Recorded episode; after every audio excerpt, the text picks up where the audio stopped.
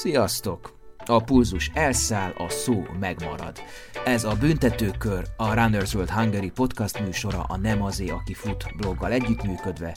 Simonyi Balázs vagyok, és ma pedig terítéken.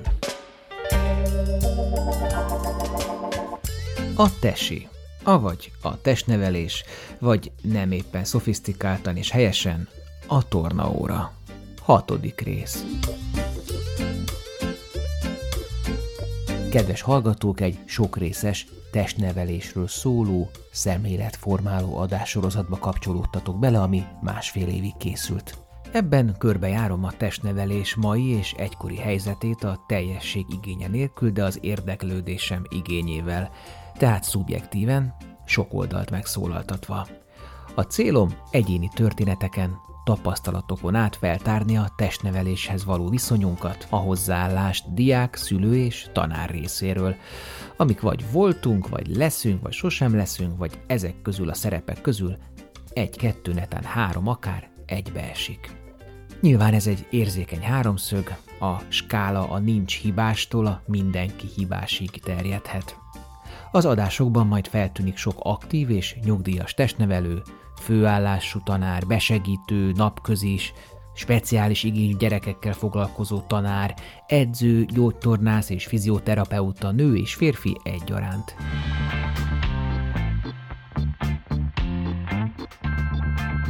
Bárki bárhol kapcsolódik be az adássorozatba, ajánlom figyelmébe a legelső adást, ahol egyfajta összefoglalást adtam azokról a gondolatokról, véleményekről, amelyek kikristályosodtak az elmúlt másfél év során, az interjúk során, de szóról szóra nem kerülnek bele az adásokba. Innen indulunk, és következik ebben a részben. Mit gondolnak, mit tartanak a testnevelésről ismert emberek, legyenek akár sportolók, vagy éppen művészek? Hogyan emlékeznek vissza az ő iskolai idejükre, hogyan élték meg a tesi órákat, mit szűrtek le belőle, milyen élményekkel gazdagodtak, pozitív vagy negatív értelemben. Hát ez kicsit olyan, mint amikor azt mondjuk, hogy sikeres öngyilkosság, vagy kellemes csalódás, de hát igen, lehet gazdagodni negatív élményekkel is. Hát akkor jöjjön minden, amit a tesiről szeretnénk tudni, de nem akartuk vagy nem tudtuk megkérdezni.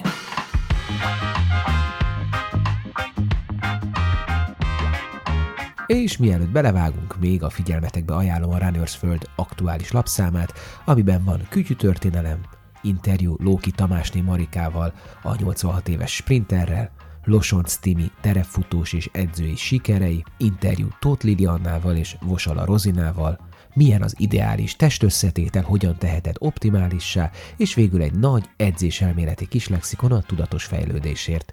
Keresd az újságárusoknál, és várd a következő számot. Gyerekek, ezt sportodjátok miből áll? Két mondat. A legnagyobb megterelést a legjátékosabban kell tudni elvégezni. Most mindegy, ha az ember négy kézláfut, az a legjátékosabb, az kell. Mecser Lajost hallottátok a 60-as évek egyik világszinten is legjobb 5000-es és 10.000 méteres futóját, Olimpikont. Lajos bácsi egy ideig dolgozott visszavonulása után, vattacukorárusként, méhészként, vízóra leolvasóként és testnevelő tanárként is. Adjuk át a szót egy másik olimpikonnak, aki még ma is időnként praktizál, nemrég nyerte meg a Mátra Bérctrélt, Mit mond Józsa Gábor a testnevelésről? Az első testnevelőm vele nem volt túl jó kapcsolatom, és akkor ő inkább a focistákat csípte, uh-huh. és akkor vele volt is valami konfliktusunk, hogy a csupa ötösömre nem kaptam meg a dicséretest, a, és én ezt kifogásoltam, és a, a focista srác meg megkapta, és akkor végül is így a, a száját húzva, de beírta, és cserébe viszont az egész osztály egész órán futott miattam. és közben engem fikázott, hogy úgy futok, mint egy nyúl, vagy valami ilyesmi, erre emlékszem, de hát mint elsős voltam egy másodikos, uh-huh. sajnos nem tudtam megvédeni magam. És kisgyerekként? Aha, Aha, igen, igen. Ő volt talán az egyetlen ilyen ö, negatív élmény, tesi tanárként, de a többi, tehát a, a, gyakorlatilag az első ilyen utcai futóversenyemre az egyik tesi tanárom vitt el, akkor még, még a Fradiba se jártam, és akkor a kékes csúcsfutásra mentünk el. Látjuk, milyen fontos az első löket, az impulzusok adása a diáknak, és látjuk, hova jutott Gábor is, számtalan félmaratoni, maratoni országos bajnoki cím, és Rióban pedig Magyarországot képviselte maratonistaként. De most hallgassunk meg egy másik olimpikont, Kádi Zoltánt, aki 30 éve tartja a 10.000 méter honi csúcsát. Szóval, hogy ő, mint gyakorló edző, mit gondol a tesi tanárokról, milyen az, amikor a tanár nem impulzust ad, hanem mint egy közvetítő ügynök működik. Ez, ez a magyar sportnak a rákfenéje, ami, amiben aztán bele lehetne keverni a politikát, a, a támogatottságot, nem szeretném, de azt a részét mindenképpen, hogy, hogy ez egy hatalmas nagy baki volt, hogy a, a taós sportágakat ugye lehet támogatni, a nem taósokat meg nem lehet támogatni, és akkor a taós azt se tudja, hogy mire költse, mindenféle hülyeségre, miközben egy alapsportág, mint az atlétika vegetál. Emellett ugye, vagy ezzel együtt pontosan emiatt, ugye ezek a sportágak elszipkázzák a legtehetségesebb versenyzőket, tudomásom szerint ugye testnevelőknek tudnak fizetni azért, hogy ha ügyes a gyerek, akkor még véletlenül se atlétának maradva az atlétikában, vagy még véletlenül se nem tudom, mit mondjak, ilyen röplabdásnak menjen, bár ez pont nem jó, mert ez TAO sportág. Tehát olyan sportágba menjen, ahol, ahol ugye van pénz. De ki tud fizetni? kifizető, vagy testnevelőnek az, hogy ne küldje atletizálni? Nem azért, hogy ne küldje, hanem hogy mondjuk itt van neked havi 20 ezer forint, ha látsz egy ügyes gyereket, akkor mondjuk a, a focisták. Az Újpestnek a jégkorong csapatába küldjed. Na, értem, ez olyan, mint az orvos látogató, Aha, fizet igen, a igen, hogy, az, ugye? Így, hogy azt így a terméket van, adja. Van. Én biztos vagyok benne, hogy ez így van, illetve nem, nem, ez nem a saját gondolatom, ö, nem a saját gondolatom, hanem, hanem ö, ez tapasztalat. Ezt hallom a kollégáktól, az idősebb kollégáktól, olyan kollégáktól, akik testnevelők,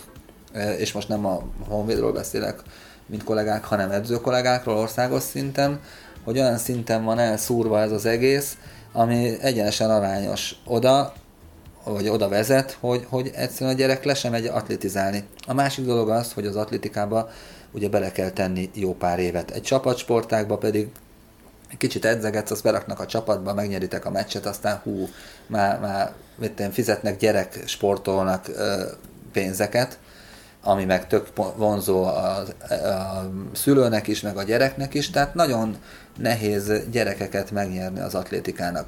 Úgy meg aztán pláne nehéz, hogy mondjuk az atlétika sem tud olyan perspektívát kínálni, ami mondjuk annak idején volt, mert mert nagyon sok helyen csak két-három gyerek edz egy edzővel, tehát nincs meg egy olyan megtartó ereje az atlétikának, ami, ami régen megvolt. Ahogy én is említettem neked, hogy úgy lettem atléta, hogy, hogy nem atléta akartam lenni, hanem jó, hát lemegyek. Jé, itt vannak a haverok. Jó volt a társaság, így van, volt így van. minimális sikerélményed folyamatosan. Igen, igen, igen. Még nem is volt olyan extra sikerélményem, hiszen abban az időszakban mit estem, keltem gáton, mert elestem. Volt olyan gátfutó verseny, ahol kétszer estem el 80 gáton. Tehát tényleg volt ilyen. És mégis ott maradtam. Sőt, amikor azt mondta az edzőm, hogy hát nem vagyok olyan ügyes, akkor átkértem magam egy olyan csoportba, ahol senkit nem ismertem, de, de mit tudom én szerettem volna oda tartozni, mert hogy ott vannak már olyan futók, akik értek el már mondjuk bajnoki eredményeket.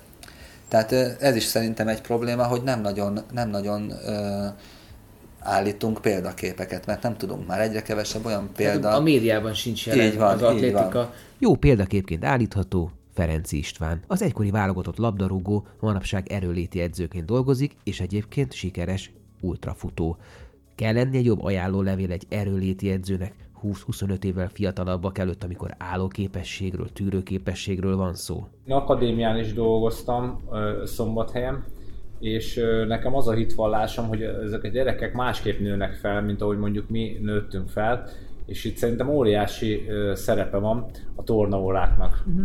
Tehát az hogy, az, hogy mondjuk nekem egy ö, magyar bajnok birkózó volt a, a tornatalám, és megkövetelte a, a, a mondjuk a, a kemény munkát, kivitt minket ö, futni. Most ezek a gyerekek, ezek nem akarom őket megbántani, nem csinálnak semmit, és úgy nőnek fel, hogy ö, mondjuk amikor oda mentem ö, Szombathelyre, és 15 ö, éves korosztály, nincs keringésük tehát olyan szinten nincs kialakulva a keringésük, akkor hogy akarod őket terhelni? Tehát olyan szinten el vannak maradva alapálló képességbe, hogy, hogy szinte vissza kell lépni kettőt, hogy majd tudjál előre lépni egyet. Nekem ez a, ez a, a, a tapasztalatom, hogy ebbe ö, nagyon el vagyunk maradva az álló képességbe. Nyilván a foci tudás, meg minden egyebek mellett, meg a, a taktika, a technikai rész is ö, ide tartozik, de én ezt, ezt szoktam inkább figyelni.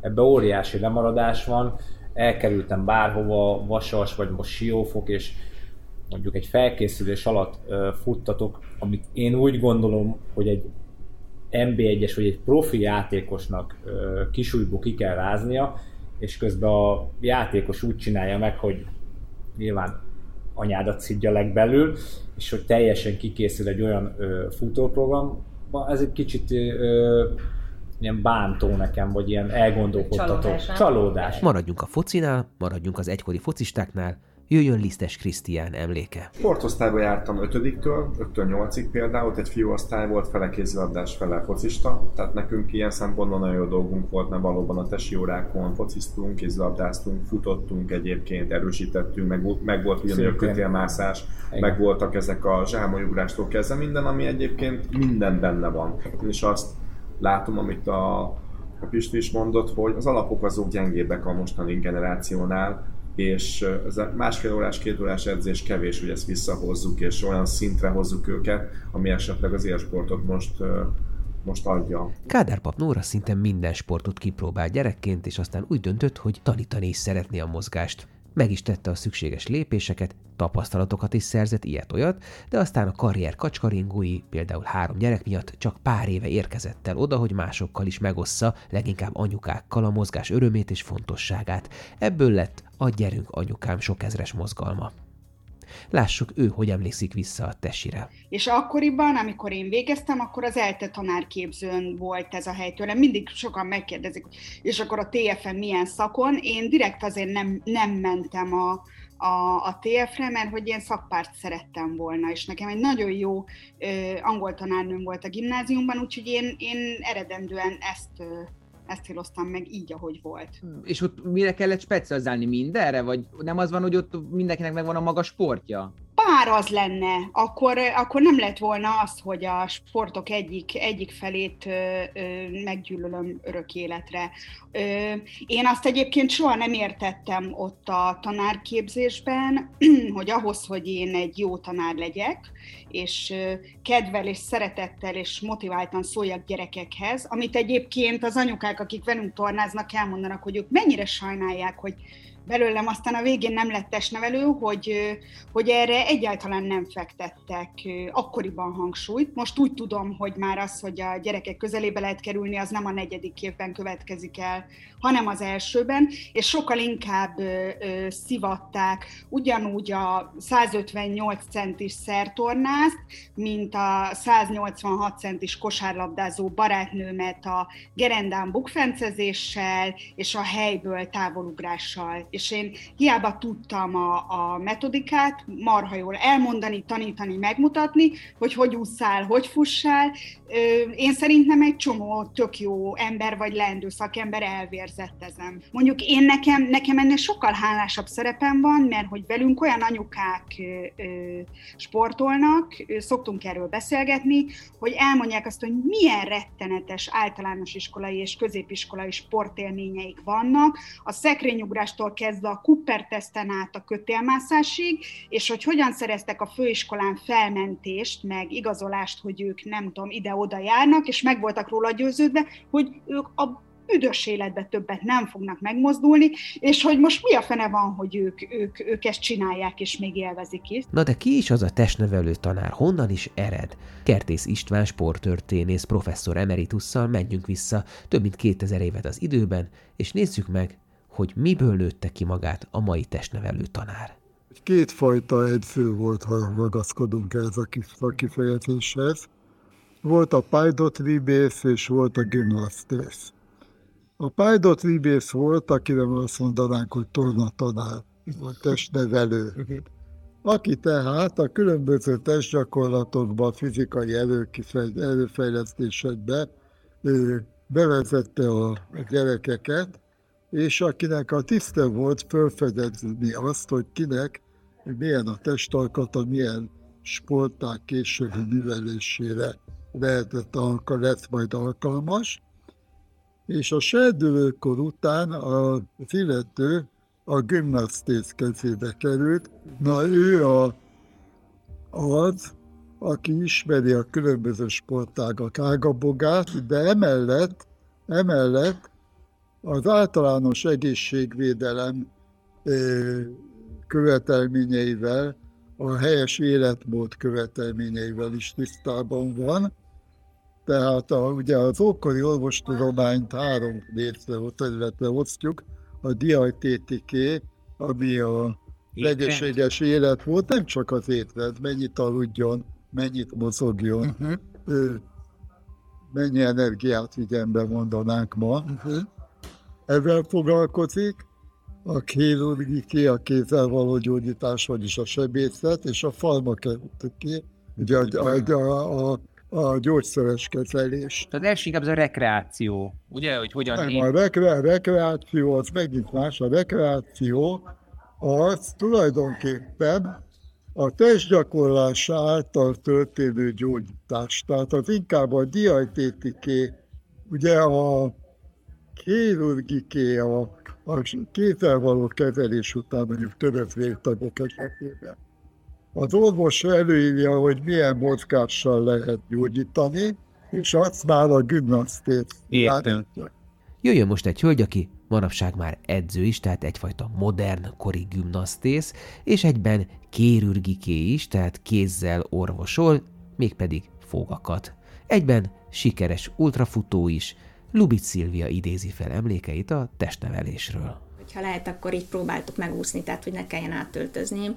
Azért egy, egy ilyen tizenéves lány az akkor legegyszerűbb volt hasfájásra panaszkodni, ugye, mert hogy azt a tesi tanárbácsi még meg is értette, és akkor nekem a tesi óra az, hogy ülök a padon és ott vihogunk, vagy ez a kép, vagy... Neki kövérkés lány volt a képek alapján, vagy olyan... Hát nem olyan, voltam olyan... ilyen vékony, mint most, igen. Tehát volt mondjuk segges combos, segges hát combos. Pipi, aha. Igen, aha. Én nagyon, nagyon szerettem a sütit, és nagyon sok sütit ettem, nagyon szerettem enni. Tehát, hogy mondjuk úgy, hogy nem vigyáztam a vonalaimra, és nem is mozogtam, de hogy nyilván ugye voltak ilyen kötelező felmérések, amiket úgy meg kellett csinálni, és, és így visszagondolva borzalmas, tehát még most is, hogyha most azt mondanád, hogy a dobbantóról ugorják át a szekrényen, és ráadásul úgy, hogy a két kezem legyen, és vigyem át a térden, tehát nekem ez, tehát én, nekem a rémálmaim azok a testi órával kapcsolatban voltak, tehát amikor így este fekszel az ágyba, tínédzserként is izgulsz valamin, én, én sose a felelésen izgultam, hanem azon, hogy mit kell csinálni tesin, amikor ugye elkerülhetetlen volt. Mert nem ment, vagy nem mert, ment, vagy, vagy testidegen volt, vagy, vagy... Borzasztó béna voltam, fogalmam sincs. De segítettek, vagy rávezettek, vagy leszálltak? Nem, kiröhögtek. Ja. igen, ez a másik, ez a megaláztatás, tehát amikor maximalista vagy, és valamiben annyira béna vagy, hogy rajta csak röhögni lehet, az nagyon gáz. És én nem tudtam semmit, nem tudtam kötélre mászni, nem tudtam szekrényt ugrani, mondták, hogy majd a gerendán is kell bukfánc, én tudom, é, é, szerintem egy évig szorongtam azon, hogy az lesz-e vajon, mert hogy azt, azt én biztos nem bírom ki. Ö, kosárba, mindenféle labdajátékba tök szerencsétlen voltam. Tehát aki, aki biztos elejti, aki biztos nem tudja bedobni, aki tuti föllöknek. Szóval, hogy nekem így a, a tesi az ez. Semmi jó élményem nem fűződik hozzá később a gimistesi tanárom, ő röplabda edző lett Jászberénybe, és voltunk már így később, jóval később, ugye röpi meccsen anyuval, mert az egyik barátnője röplabdázik, és akkor oda jött hozzám a tesi tanár, mert akkor már hát jó pár viszonylag jó dolgot csináltam, és mondta, hogy te jó ég, mikor ezeket így meglátta, tehát így abszolút nem tudta hova tenni, hogy akkor most így mi lett belőled. Szóval ez ilyen cuki sztori volt, hogy úgy oda jött a meccs után. Mondjuk úgy, hogy nem voltak előjeleli, hogy hmm. bármire képes leszek. Nyomasztó, kellemetlen emlékei másoknak is akadnak. Nádas Péter író közel 50 éven át futott. Ezt valamennyire a testnevelés órának is köszönheti, de egyébként mást nem sokat. Kendőzetlenül mondja el a véleményét arról, hogy milyen volt az 50-es évek testnevelés órája. Nekem a futás az mindig jó élmény lett volna a tornaórán is, ha nem ezek a eszement tornatanárok lettek volna a tanáraim, hanem valaki, aki valamit szeret. Tehát aki nem kínozni akarja a fiúgyermeket, hogy attól még erősebb és még faszább legyen, hanem hát, meg akarja mozgatni. Ebbe segíteni akar neki. Tehát ez az időre való rövid távok futása, az nem lett volna ellenemre, de nem tetszett, mint verseny, mint a, a fiúk közötti valamin való verseny, már megint versengünk valamin, és kiröhögjük a másikat, meg leszóljuk, meg ugratjuk, meg nem tudom, ez teljesen idegen volt tőlem, és nem is akartam benne soha részt venni.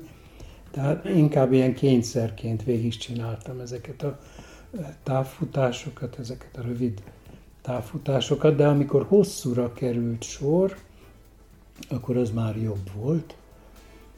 Jobb lett volna, ha nem, nem baszakodtak volna az emberre, hanem kedvtelésből segítették volna, hogy így csinálja, úgy csinálja, így lélegezzen, úgy lépjen. Lesújtó véleménye van Kovács Patríciának is az ő testnevelés óráiról, és a mi lett volna, ha kérdést feszegeti. Én bármitől, ami gurul, tehát labda, rettegek. És ez, a, és ez például az általános iskolai tornatanáromnak a, a lényegem az első egy-két óráján derült ki, bármikor egy labdát dobnak felém, de az legyen akár egy tollas, vagy egy bármi, akkor becsukom a szemem, és sem pattogtatni, sem rugni, sem sehogyan nem veszek részt semmilyen dologban, ami gurul. És lehet, hogy egyébként egy tök ügyes kézilabdás lettem volna, csak egyszerűen olyan szinten aláztak meg 7 évesen a tornaterembe, egy boldog óvodásként, amikor megérkeztem, hogy úgy semmi, tehát így felteszem a kezem. Nem ér, um, veled, vagy nyílt színen megszégyenítettek? Megszégyenített nyílt színen, igen, mert az volt a feladat, hogy felmérni, hogy, a, hogy az obiból ki hogy jön meg, ki mit tud, és akkor a tornateremnek a felező vonalára letették egy labdát, és az volt a feladat, hogy rúgjuk el a kapu felé, fiúk, lányok sorba, ennyi, nekifutás és rugás. És én annyira én egy nagyon-nagyon intenzív, boldog gyerek voltam, és annyira meg akartam felelni ennek a dolognak, hogy effektíve odaig se jutottam el, hogy belerúgjak a labdába, mert elfutottam a labda mellett. Jó, Tehát igen, szerintem több cuki. Igen, és akkor elkezdett velem ordítani, hogy Kovács, hogy hogy engedtek el az óvodából, és, és ezt hogy látni nem akarnak többet az óráimon, és hogy takarodj el, és hogy ez mit, tehát, hogy még az a feladatot még el, meg se tudod csinálni. És annyira megalázó volt, egy, hogy egy vadi új osztályban egyszer csak le vagy teljesen nézve, és ezért miközben csak lelkesen futottam a labda mellett, Megnyugtatlak hogy, azért, hogy a, a TFN ez még mindig felvételi feladat, hogy félpályáról guri, vagy emelt be a kapuba, vagy dobd be a kapuba. Én ezt átéltem, csak azért, hogy lehet, hát az mondjuk öt éve volt, nem járt, felvettek, nem jártam oda, csak döbbenetes volt, hogy ezt ez egy alapszintű feladat egy, egy TF-re járó diáknak. Igen. Jó. Úgyhogy Mara néninek hívták, és, és rettegtem, és az olyan szinten, hogy aztán az összes tornaórán, mint volt ilyen a végén, még, a, még az urában is, hogy na, ha jól viselkedtetek, akkor a végén lehet kosarazni, tudod, 15 perc. Áh, mindenki furára boldog volt, és tudod, hogy ne, ne, jön ez a, ez a, ez a ré, rémes dolog.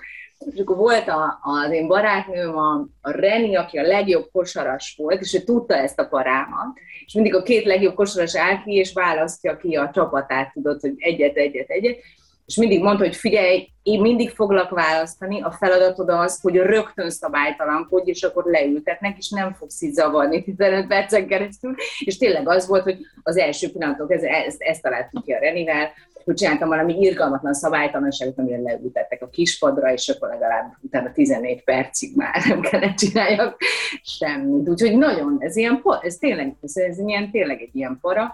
És miközben azt is érzem, hogy miközben én egy rendkívül hírfogyasztó, újságolvasó, világ, világgazdaság, napi politika, magyar, tehát tényleg, tényleg minden érdekel, és egy kifejezetten nem vagyok szakbarbár. Azt is gondolom, hogy ha egyébként én olyan pedagógusokkal találkoztam volna, olyan történelemtanárokkal, olyan matek tanárokkal, olyan földrajztanárokkal kisiskolásként, akik akik, akik felnyitották volna az érdeklődésemet, akkor lehet, hogy nem egy színésznő lennék.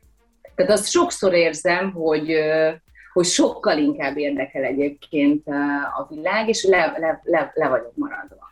Lőrinc Olivér futóedző a modern technikákat, a modern hozzáállást hiányolja a mai testnevelés órákról. Sok aspektusában szerinte korszerűtlen az oktatás. Ugyanakkor ő nosztalgiával emlékszik vissza a testnevelés órára, egyébként az édesapja testnevelő tanár volt Kazinc Barcikán. Vannak olyan alap alap sportértékeink, alap mozgás elemeink, amiket meg kell tanítani egy gyereknek. Atlétikus képességek, dobás, ugrás, hogy hogy futsz, hogy osztod be az erőt, tornából alapvető dolgok, hogy tudjon egy, egy, egy tök mindegy, egy, egy, egy bukfencet tudjon normálisan, tudjon úszni egy gyerek, tudjon kerékpározni egy gyerek, ismerje meg a természetet. Ezek nagyon fontosak lennének, de mégis úgy érzem, hogy nagyon, nagyon ilyen régi módi az a, az a testnövés, amit most... Még mindig? Még mindig úgy érzek. Például miért nem használnak, lehetne már nyugodtan púzusmérőt fölrakni a gyerekekre, és akkor az alapján terheljük. Honnan? Hát amikor 150 ezer tanár fizetése, mondom, lehetne, lehetne. Jó, hát tehát tök jó lehet. Tehát olyan, tehát a világ, most megnézzük, hogy hol tart az élsport, meg hol tart a, a, a, a testnevelés órák. A testnevelés órák semmit nem változtak az utóbbi, nem tudom én, 30 évben. Tűnt semmit. Ugyan, ugyanaz. A lányod hogy jött haza a suliból testnevelé? Milyen élményekkel? Miket mesélt? Neki nem, ő egy sportiskolába járt, általános iskolába, tehát neki erős volt a, a sport, de ő élvezte. Tehát azért alapvetően a gyerekek szerintem ha, ha jó a testnevelő, akkor tudják élvezni az órát. Testnevelő múlik, nem, a, nem, nem az anyagon. Hogy hogy adja elő az a testnevelő, és hogy, hogy motiválja őket. Hogy vonja be abba, hogy a, a, a sport az egy, az egy játék és öröm is, és egy élvezet. És ez nagyon sok múlik. Te hogy emlékszel a te testnevelő óráidra ez... régen? Nem, nem amikor tanultál, amikor te voltál gyerek. Amikor én voltam gyerek, nekem az édesapám testnevelő tanár, én is meg foci edző, ugye? Igen, testnevelés szakos általános iskolába jártam. Nekem egyetlen emlékem van a testnevelés órákról, amikor rossz helyre álltam a tornasorba, elsősként, ugye nagyságszerkelt, és akkor a testnevelő tanár odajött, és akkor fülemnél fogva egy fölemelt, és a helyemet tett. Fülemnél fogva szó szerint? Szó szerint, igen.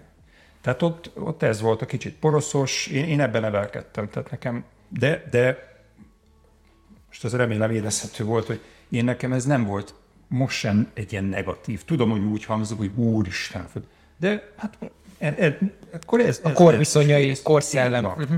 És kész. is a világ, valami imád. A 90-es évek elején még nehéz volt a TF-re bekerülni, vagy akkor már hívult? Kurva nehéz volt. Tehát ilyen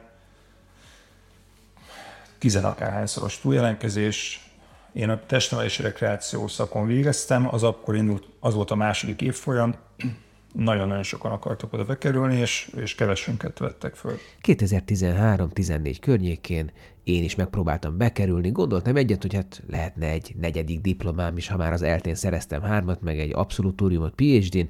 Oké, okay, el is mentem, jelentkeztem. Bal szerencsémre az Ultra Balaton utáni hétfőn volt a gyakorlati felvételi, rögtön 60 méteres sprintelés, ahol tök utolsó lettem, 9 másodpercen belül kellett futni, hogy megfeleljen az ember, aztán pedig volt egy Cooper teszt. 12 percen belül 6 kör az atlétika pályán. Mindenki jól bekezdett, aztán a kevésbé jó futók rájöttek, hogy az aerob per anaerob képességük és futókájuk igencsak deficites, úgyhogy addigra már bemelegettem és simán leelőztem a mezőnyt, mindenkinek adtam egy kör hátrányt, így 9 percen belül megvolt a hat kör. Magáról az egész felvételi procedúráról írtam egy bejegyzést annak idején a Nem azért, aki fut blogon, keressetek rá, kelep felhúzódás a felvételin. Azért emeltem ki azt, hogy kelep felhúzódás, mert én addig azt sem tudtam, mi ez, utána kellett néznem a pálcika rajzok között, na ezt másképp kelep fellendülésnek hívják, elég bonyolult, meg sem tudtam csinálni egyébként a tornateremben.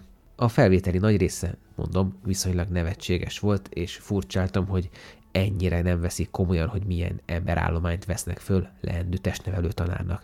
Volt ilyen például, hogy egy kispályás tornateremben négy sportjátékból hármat választani, egy kézilabdát az alapvonalról áthajítani a félpályán túlra, vagy egy focilabdát végigvezetni szlalomban öt bólyak között, és vissza. A bóják két méterre voltak egymástól, és mindezt 13 másodperc alatt kellett. Aztán egy kosár lasztit váltott kezű pattogtatással, szlalommal kellett így oda vinni 9 másodperc alatt. illetve egy röplabdát egy 3,5 méteres körben kosár érintéssel, azaz új hegyel való dobogatással fejfölé passzolgatni 20-szor. Hát azért ezek nem ördöglakat dolgok. Volt úszás, két különböző úszás nemben, esküszöm nektek, hogy egy srác kutya úszásban tette meg a táv egyik felét, a másikban a hátára feküdt, és hát úgy áramolt a startkő felé. Volt egy lány is, aki, mintha a szecskában úszkált volna, rózsaszín műanyag úszósapkában, dombormintás úszódrezben, kidugott fejjel tempózott. Volt egy motivációs beszélgetés, ennek gyönyörű neve volt, a jelentkező testkulturális érdeklődését és szakmai elkötelezettségét mérték fel. Összességében az maradt meg, hogy a felvételiző srácok a paralel felvételiző csajokat stírölték, ez mondjuk talán normális is, de alapvetően sem az alakjuk a felvételizőknek nem utalta arra, hogy ők valóban civilként vagy akár egyesületi szinten komolyan sportolnának, sem pedig a felvételi miensége arra, hogy az egyetem ezt túl komolyan venné, vagy legalábbis tényleg szűrni és szórni akarna de mondom, ez 8 évvel ezelőtt volt, talán azóta változott a világ. A pálya biztosan, hiszen a Csörsz utcai TF pályát már elbontották, vagyis pontosabban földeltették egyenlővé, és most valami nagy komplexumot építettek rá, ha jól tudom, úszócsarnok lesz ott, vagy kézilabdacsarnok, minden esetre rekordtánt nem látok még. Ja, hogy mi lett a vége? Felvettek, aztán szeptemberben el is mentem a legelső tanítási napra, ami rendkívül lehangoló volt számomra, és végül úgy döntöttem, be sem iratkozom. Szóval egy teljes gyakorlati alkalmassági vizsgán kellett szembesülnöm fiatalságunk tragikus testi állapotával és motiválatlanságával. Na, itt adom át a szót Őze Tibor testnevelő tanárnak, aki régi vágásúnak tartja magát, magas hangját magázással ellensúlyozza a diákoknál, önmagával is kritikus, tudja sorolni hosszan a szakma örömeit és visszásságait. És hogy mit jelent, hogy régi vágású? Hát az, hogy síppal a nyakában járkál, susogós melegítőben, és ha késik egy diák, tíz fekvő támaszt nyomat vele. De ennek ellenére mégsem poroszos oktató, bár ezt tartják a frontális oktatás megfelelőjének a testnevelésben. Őze Tibori a szó.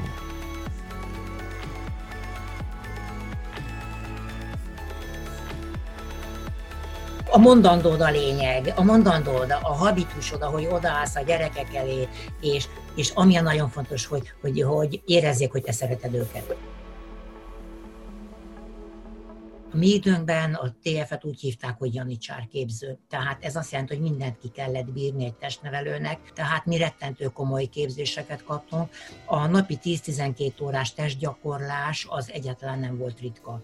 Tehát rengeteg sérülés és baleset is következett ebből. Gyerekjáték volt a katonaság a, a TF-hez képest. Engem negyedszerre vettek fel, tehát a TF-re akkor járni rang és elismerés volt. A helyedet a tantestületben te fogod magadnak megalapozni, tehát a műveltségeddel, a kultúráddal, a tekintélyeddel, tehát senki nem fogja neked ezt odaadni magától, és vegyük tudomásul, és ez tényleg így is volt, hogy a testnevelés azért egy kicsit lenézett tantály volt. Ó, ezt mindenki tud bukfencezni. Először létrejön egy tudati gondolat benned, hogy tényleg változtatni kéne már rajta, hogy, hogy itthon testvedek, meg elmegyünk sörözni, meg néha van egy kis pályás sörmeccs, de hát olyan izomlázom volt, elmenjek érted, és ez egy hosszú tudati folyamat. Azt kérdezd meg majd bárkitől is, barátaitól, hogy amikor lefutja az első 5-10 vagy 20 kilométerét, mit érez? 1800-as, 60-70-es évektől kezdődően tornát tanítottak, tehát szertornát, talajtornát,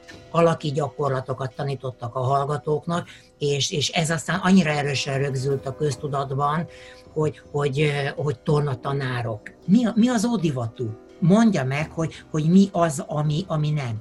A görögök birkoztak, a görög olimpiákon, igen, birkoztak. Középkorban mi volt a hét lovagi e, próba? Csak mondok belőle egyet-kettőt, vívás, íjászat, e, mit tudom én, lovaglás, úszás, sak. Ma ezeket nem csináljuk. Tehát ezeket is csináljuk. Tehát vannak hagyományok, amik mindig egymásra épülnek, és van olyan mozgáskultúra, ami előfeltételezi a következő lépcsőfokot. Vajon a testnevelőnek nem az a, nem az a dolga, hogy, hogy tanít tanítványá, sport szeretővé tegyen mindenkit, és akkor visszakérdezek még egyszer rád is, hogy ugye szokás szerint minden reggel fogatmosol, este fogatmosol, tisztálkodik az ember, tehát az alapvető testi szükségleteket megcsinálod akkor a testeddel vajon nem tartozol felelősséggel a saját tested iránt, hogy, hogy jó legyen a keringési rendszeret, hiszen tudjuk, hogy, hogy mennyi keringési betegség van, vajon az izomrendszered nem arra szolgál-e, hogy ne legyen görbehátad, ne ülj előre dőlve egy, egy széken. Tehát az, hogy ezt a mai terheléses világot idegrendszerrel és bírt, lásd, Covid vírus, hány és hány összeomlott embert látunk a környezetünkben. 2010 óta nem kell szaktanári, tehát testnevelő tanári diploma ahhoz, hogy te bemenj a tornaterembe és taníts testnevelést. Neked semmi más nem kell, csak egy pedagógiai diploma, hogy legyen egy pedagógiai diplomát, és teljesen mindegy, hogy, te az, hogy azt milyen szakon szerezted. És akkor ott vagyunk abban a pillanatban, amit említettél, hogy a, bocsánat, a tökön beleverem ebbe az egészbe, lejövök, rendben van, megcsinálom, mert, mert meg kell, hogy csináljam. Nem kapok érte egy rohadt fillért se egyébként, ezért aztán minél kevesebb energia ráfordítása, figyeltek, kidobozunk, vagy mit tudom én, tűzvizet játszunk, vagy, vagy focisztok, vagy teljesen mindenkinek mihez van kedve. Leértékelik a tudásodat, és amikor adunk, tudod, hogy szülő bejön hozzád, és, és azt mondja, hogy de én ezt olvastam az interneten, és ott az van leírva, és kritika nélkül elfogad, és amikor, amikor hogy mondjam, tudá, neki nincs tudása, de odahozza hozzám a gyereket, és elvárja tőlem, hogy becsületre, tisztességre neveljem, mint osztályfőnöke, és még testnevelésből juttassam el egy jó szintre. Tehát, tehát egyik oldalon elvárja tőled azt, hogy, hogy a legjobb tudásod szerint adj át mindent a gyerekének, másik oldalról pedig mindent megtesz, hogy ezt a, hogy a te tudás, a, a te tiszteletedet, a te elismertségedet lerombolja. Képzelj egy olyan szituációt, amikor bejön apuka, osztályfőnöke voltam ennek a kislánynak, művezető egy, egy, egy multinál, és azt mondja, hogy tudja, megkérdezi, hogy mennyit keresek. Mondom neki, hogy hát ennyi a fizetésem. Azt mondja, és akkor hogy rám néz, és elhúzza ezt, tudja, hogy én meg tudnám magát kilóra venni? Részben azt mondom neked, amikor otthon ezt hallja a gyerek, hogy én a tanáraidat kilóra megveszem, akkor, akkor vajon hol van az a, az a vonal, amikor te még tudsz követelni egy ilyen gyerekkel szemben? A középiskola azért, azért szerettem, mert amikor bekerült egy 14 éves, láttad a szemmel látható fejlődését, mire 15, 16, 17, 18 éves lett. Hallatlanul jó fejek voltak már érettségi előtt, a 13-tól kezdve a gyerekek. Tehát élmény volt velük dolgozni, amennyiben partnernek tekintetted őket az, amikor visszamentem általános iskolába, az első két év az engem sokkolt szó szerint. Tibi bácsi nyakadba ugrott, öletbe ült, tehát középiskolában volt az a három lépés távolságtartás, tanár úr, kérem, tanár úr, legyen szíves, tanár úr, meg tudná csinálni. Minden azon múlik, hogy te a gyerekek szemében, és ez most legyen közép vagy általános iskola, mennyire vagy hiteles. Hogyha te hiteles vagy, amit te mondasz, és úgy élsz, ahogy mondod, és úgy is cselekszel, és a cselekedeteit következetesek és kiszámíthatóak, akkor azt elfogadják a gyerekek, és elfogadnak olyannak, amilyen vagy, és innentől kezdve nagyon könnyű dolgod van velük. Valóban igaz az, hogy ahogy ahogy a szeretet a gyerekből múlik, tehát alsó tagozatról megyünk fölfelé, átmegy mondjuk felső tagozatba, még a, még a tiszteletbe tudod, úgy megyünk fölfelé, mondjuk egy középiskolába, és kérdőjeleződik meg a, a, hozzá, a gyerekek hozzád való viszonya. Évek ezelőtt olvastam egy ilyen mondatot, hogy nyolc évesen azt mondja a gyerek az apjának, apám az Isten. 12 évesen, 14 évesen apám sok mindent tud. 18 évesen apám nem tud semmit, 24 évesen, de jó lenne megkérdezni tőle valamit a legjobb oktatási forma a frontális, mert hogyha körbeállnak, itt kezdődik a testnevelő halála, amikor a hátad mögé gyerek kerül, mert azt csinál mögötted, amit akar. Tehát, hogy mindenki legyen előttem.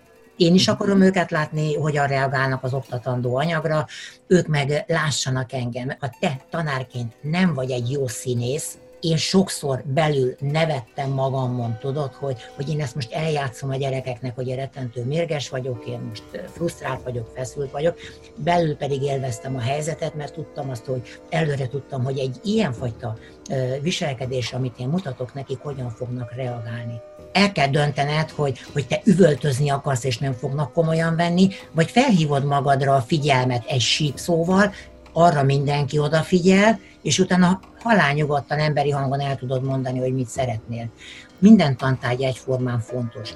Ott, ahol a testnevelő periférikus személyisége, a tantestületnek, ott, ahol a testnevelő nem, nem aktív résztvevője a tantestületnek, és csak azt mondják, és a testnevelésen kívül már bocsánat, nem ért semmihez, és én folyamatosan képeztem magam, hogy, hogy igenis, hogy meg tudjak felelni a saját magam elvárásainak, és úgy álljak be, vagy úgy egy, egy tantestületbe, bármilyen vitába, hogy ott én idézni tudjak, ott én, hogy mondjam, kulturált, intelligens beszédet, szónoklatot tudjak tartani, ne csak egy magyar tanár tudja kifejezni magát érthetően. Na és mi a helyzet a felmentő igazolásokkal, amiket a szülő szignóz. Én több ilyen igazolással találkoztam, elsősorban középiskolásokkal, és a legdurvább az volt, amikor a 14 éves kislánynak oszteoporózis felmentése volt, ami csont, időskori csontritkulást jelent egyébként, tudod. 80-as években, amikor elkezdtem tanítani, ha valami balhé volt az osztályban, elém álltak a gyerekek, azt mondták, tanár úr,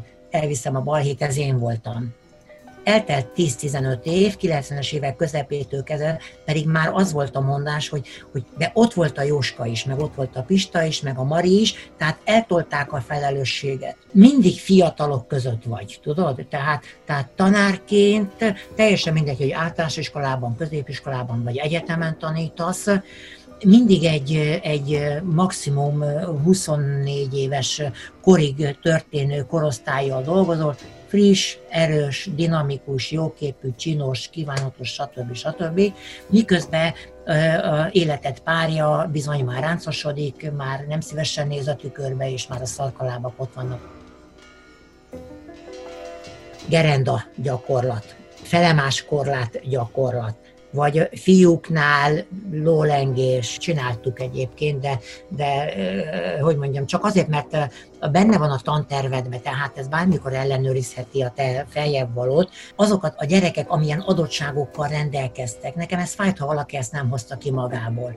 Tehát amikor láttad azt, hogy bárki bármiben tehetséges, ügyes, úgy voltál vele, hogy te segítsd azt, hogy ő ebben a, hogy mondjam, ezt a képességét hozza ki magából. Ha lehet krédónak valamit nevezni, akkor én ezt nevezném annak.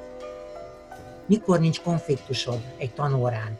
Akkor, amikor, már bocsánat, de gyengén, igénytelenül, következetlenül tanítasz, és engedett, hogy a, úgymond a gyerekek egyénisége érvényesüljön. Elcsúsztunk oda, hogy, hogy rettentő erős beleszólás az igazgató részéről, az osztályfőnök részéről, a tantestület részéről, és a szülők részéről a mindennapi munkádba.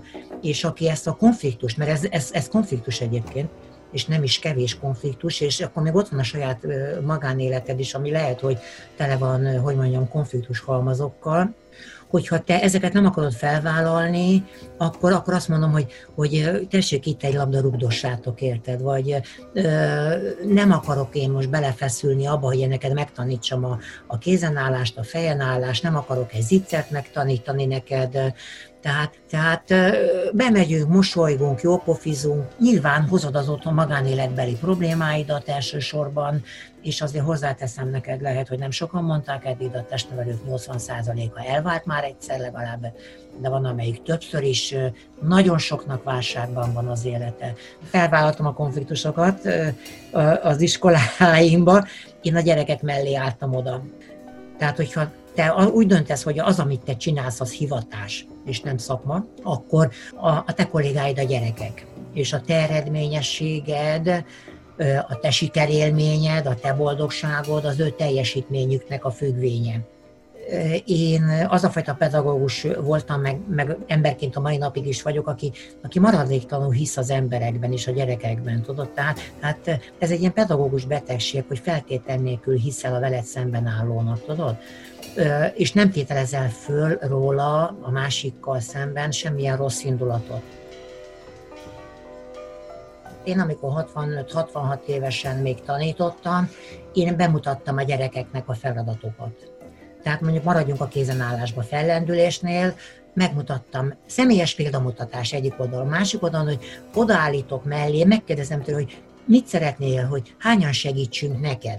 Hihetetlen sokat számít az, hogy neked milyen a pedagógiai érzéked bármely tantárgyban van, van értelme egyet adni, hiszen, hiszen a jegyel egy adott tudásszintet fejezel ki. Az a lényeg, hogy, hogy te önmagadhoz képest fejlődjél, és én a fejlődésedet, megvan a lehetősége, tehát hogy nem abszolút értékben a többiekhez viszonyítva osztályozalak le, hanem nézzem meg azt, hogy te honnan indultál el, hova jutottál, és én értékelem a te erőfeszítésedet, hogy megtettél egy utat. De önmagába az, hogyha ő nem akar átöltözni, mert a sminkje, mert a mit tudom én, akármilyen kárba vész, azt nem szankcionálhatod. Tehát hol van itt akkor a közvetett eszközöd? Köz, tehát, tehát kiskapukat keresel, tudod? Hogy, hogy valahogy mégiscsak legyen következménye annak, hogy, hogy, hogy ő tulajdonképpen személyedben sért vagy bánt meg, tudod? és azt mondom, hogy, hogy jó a kisugárzásod, jó hangulatot tudsz az óráidon teremteni, szeretnek részt venni az órádon a gyerekek, akkor meg fogják tenni, tudod? De egyébként eszköztelen vagy. Általános iskola alsótak rettentő sokat játszottunk. Tehát a koordinációt, a, kép, a mozgásos ügyességfejlesztést a labda a labdával való bánásmód fejlesztette legjobban, nem a, a, a ciklikus sport, a atlétika, a, a kerékpár, az úszás, hanem az, hogy hogyan fogod meg a labdát. Volt 134 kilós középiskolás 9-es gyermekem. Nem volt olyan, amit ne, amit, amit ne csinált volna meg. Tehát ő neki nem volt betegségtudata, nem volt kövérségtudata, ez sajnos a, a gyerekeknél a, egymásnak alakítják ki ezekkel a beszólásokkal, te Dagi, te ilyen, te olyan, te hájpaszni.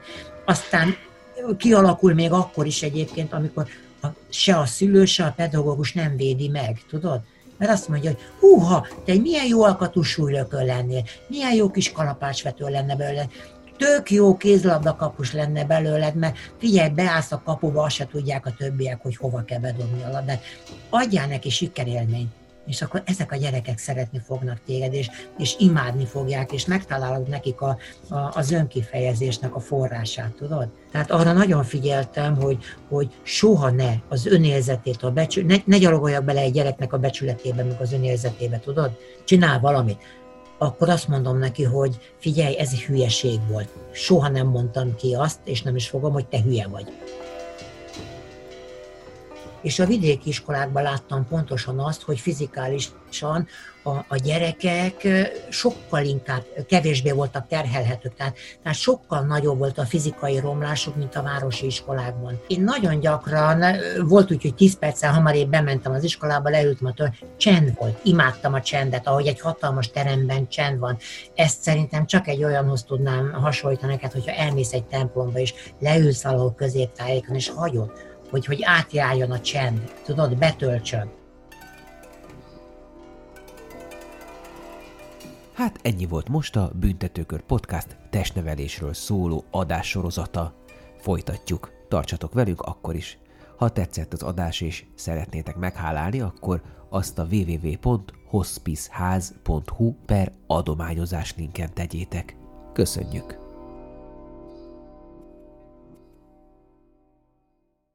A műsor a Béton partnere.